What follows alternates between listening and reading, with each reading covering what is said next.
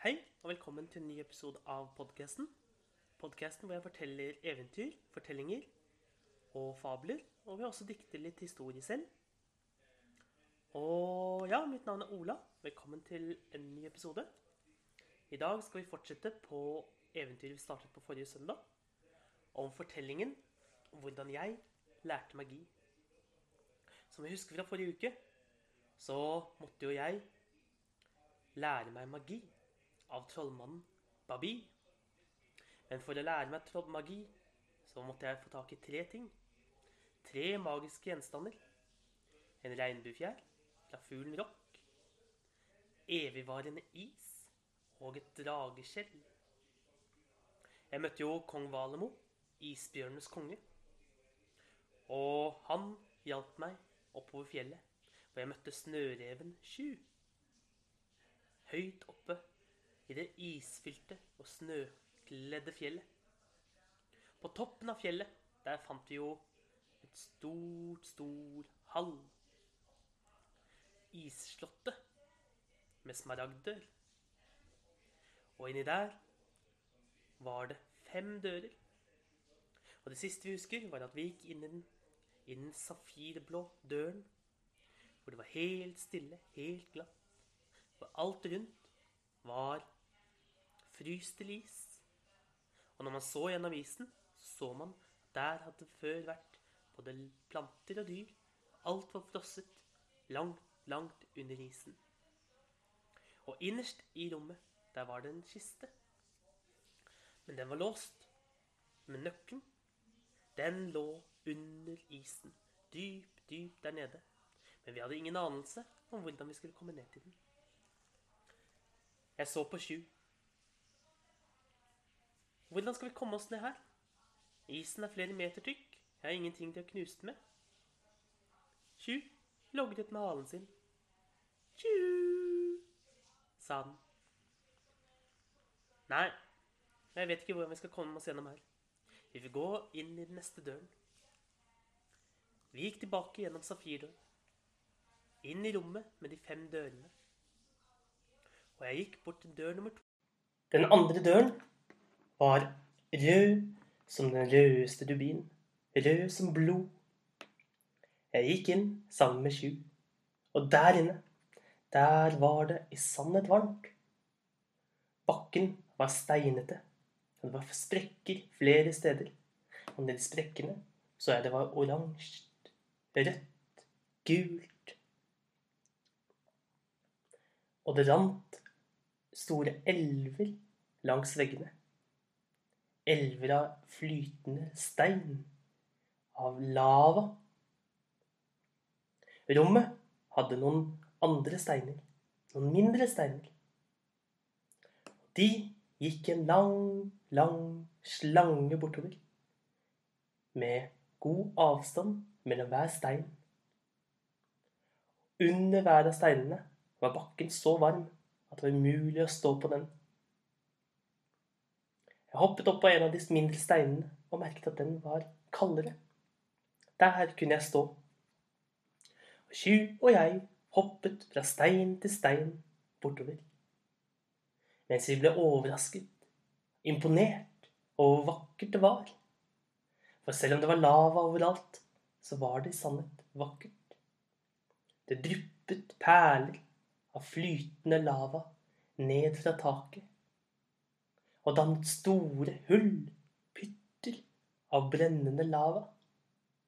Andre steder så var det ild som brant på selve steinen. Ild som flammet opp fra ingen steder.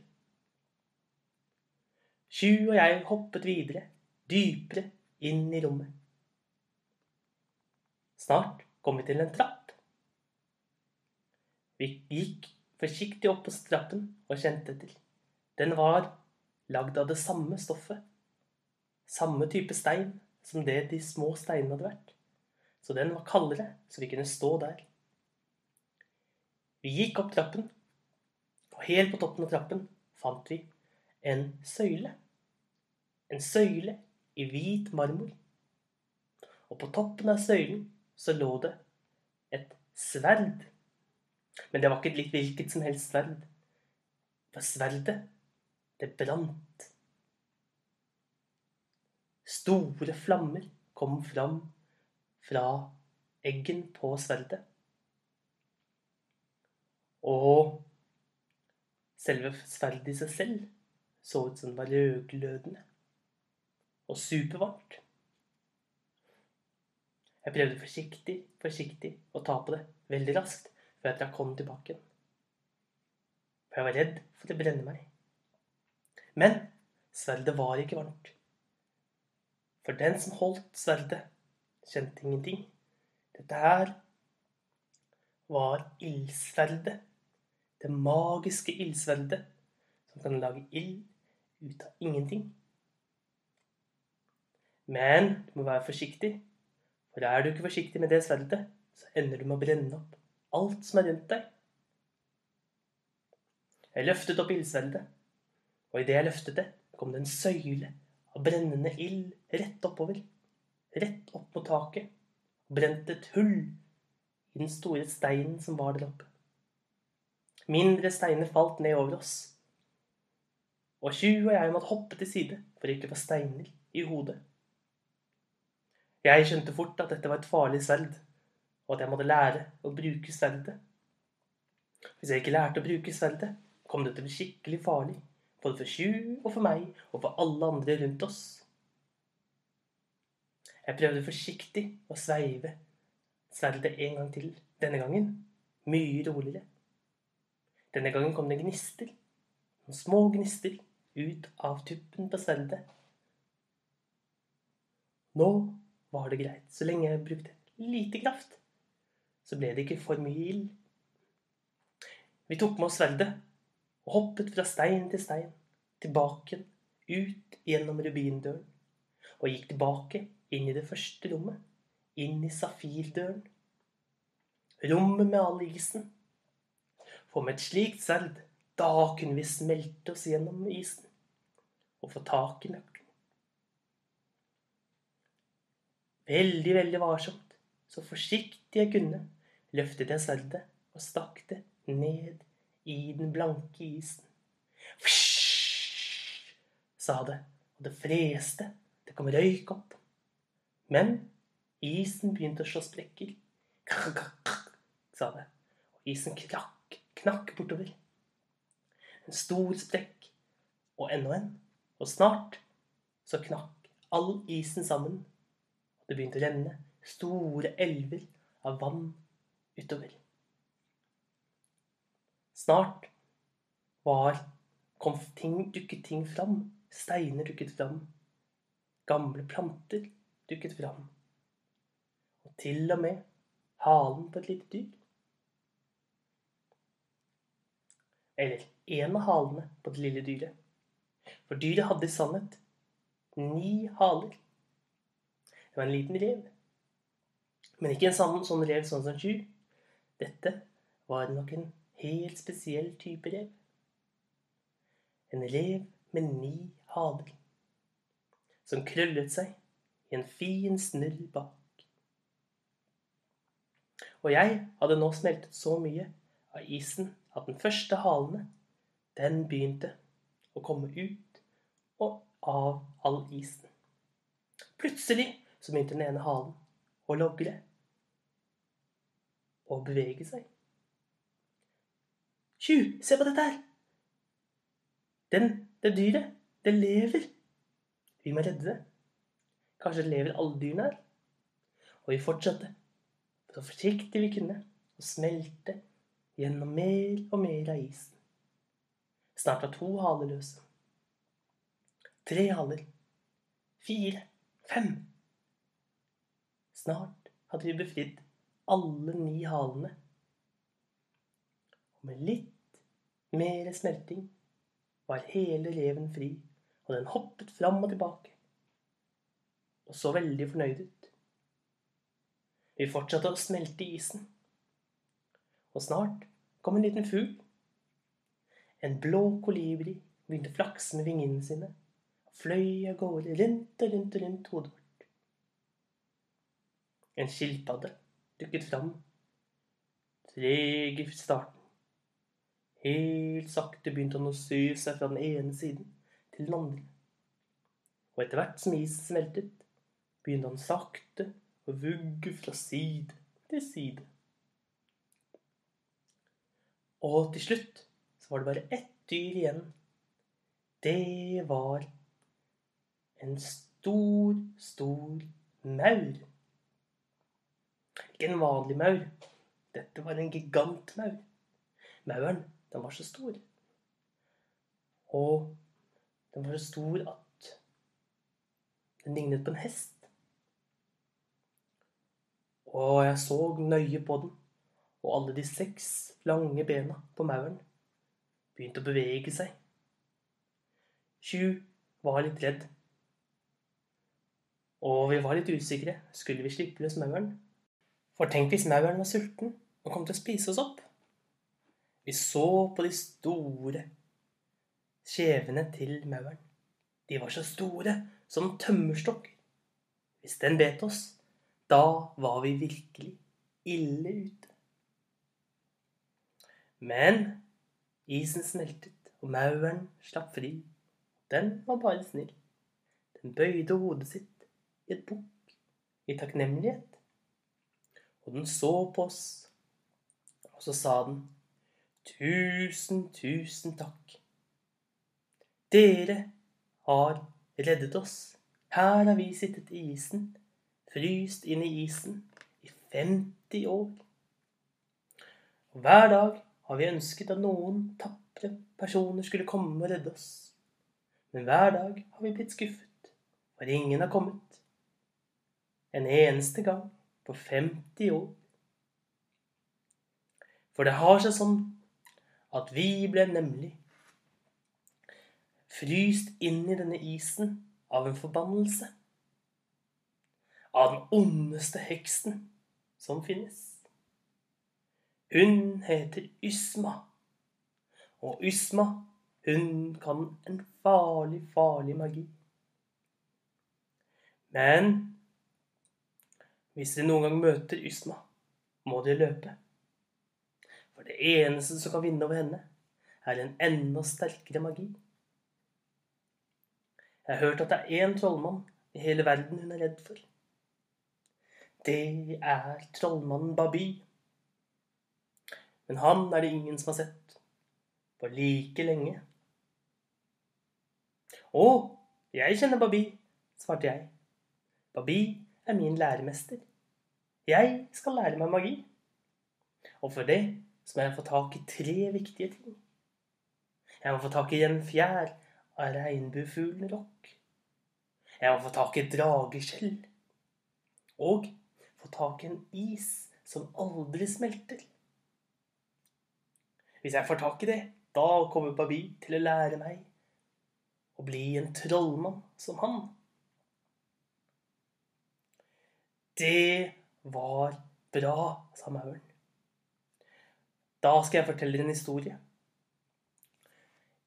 For det har seg nemlig sånn at en gang for lenge, lenge siden Da hadde Babi en liten elev. Det var den flinkeste eleven som fantes. Så hun kunne få til alt han sa.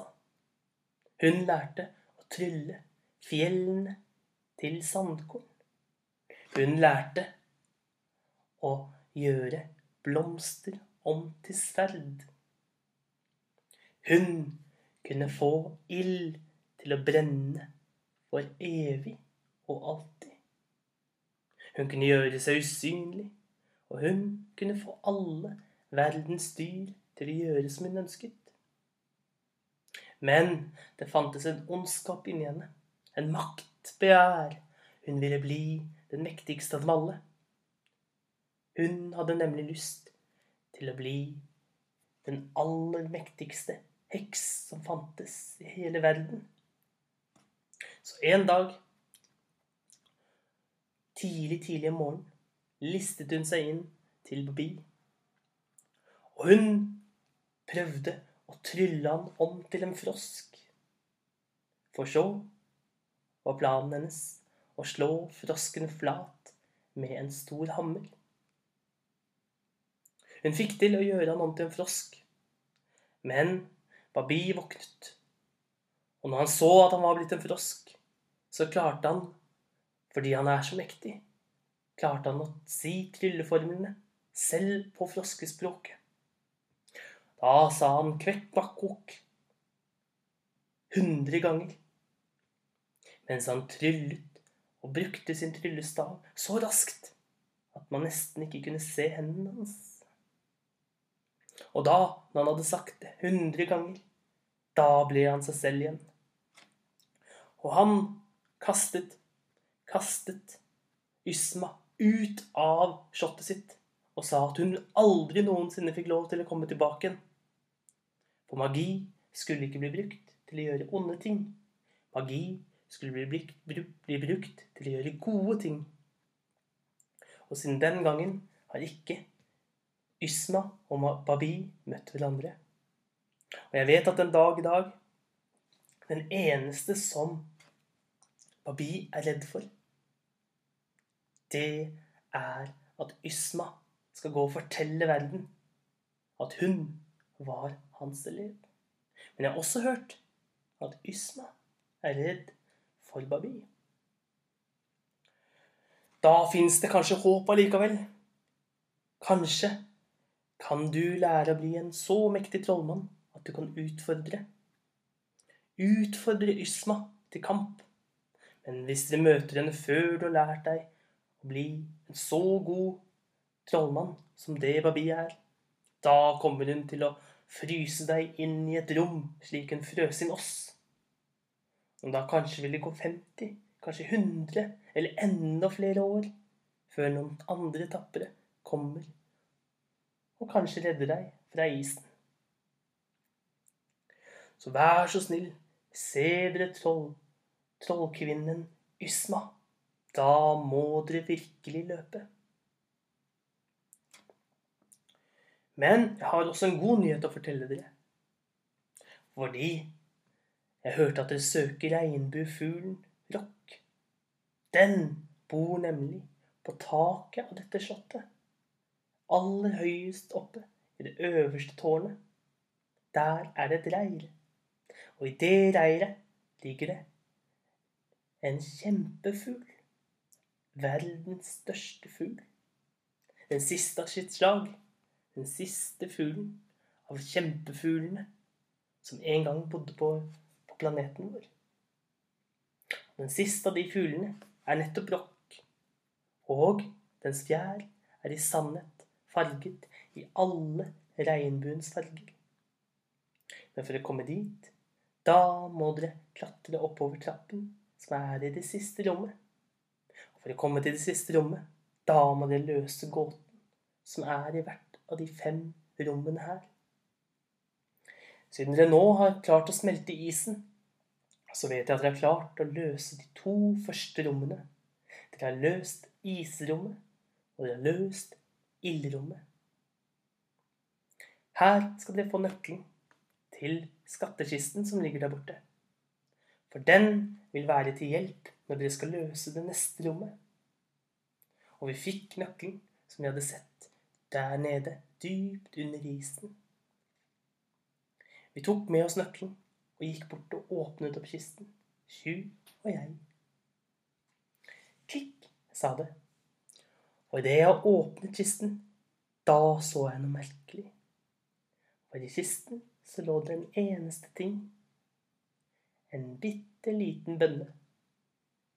Men bønnen var lagd av gull. Dette er en magisk bønne.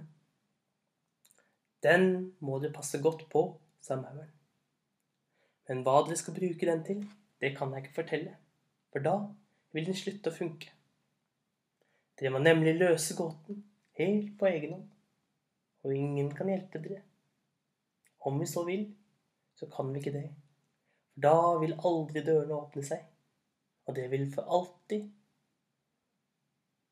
måtte være redde for troll trollkvinnen Ysma slik vi må være. Vi tok med oss gullbønnen og gikk ut i rommet med de fem dørene. Hm Hva skulle vi bruke denne bønnen til? En gullbønne? Skulle vi spise den? Men det er litt dumt å spise den hvis det ikke var det vi skulle. Da har vi brukt den opp. Vi må tenke litt på hva vi skal bruke den til, sa jeg til Sju. Sju nikket enig. Vi tittet opp på dørene. Den neste døren var helt lilla. Den var lagd av den vakreste bergkrystall. Og vi åpnet døren og kom inn i nok et rom. Enda mer praktfullt, enda vakrere, enda mer spennende enn noen av de andre rommene vi hadde sett. Men hva som skjer der, det må du vente til neste episode og høre. Neste episode vil komme ut om én uke, på søndag klokken ti. Og dette var historien om hvordan jeg lærte meg magi.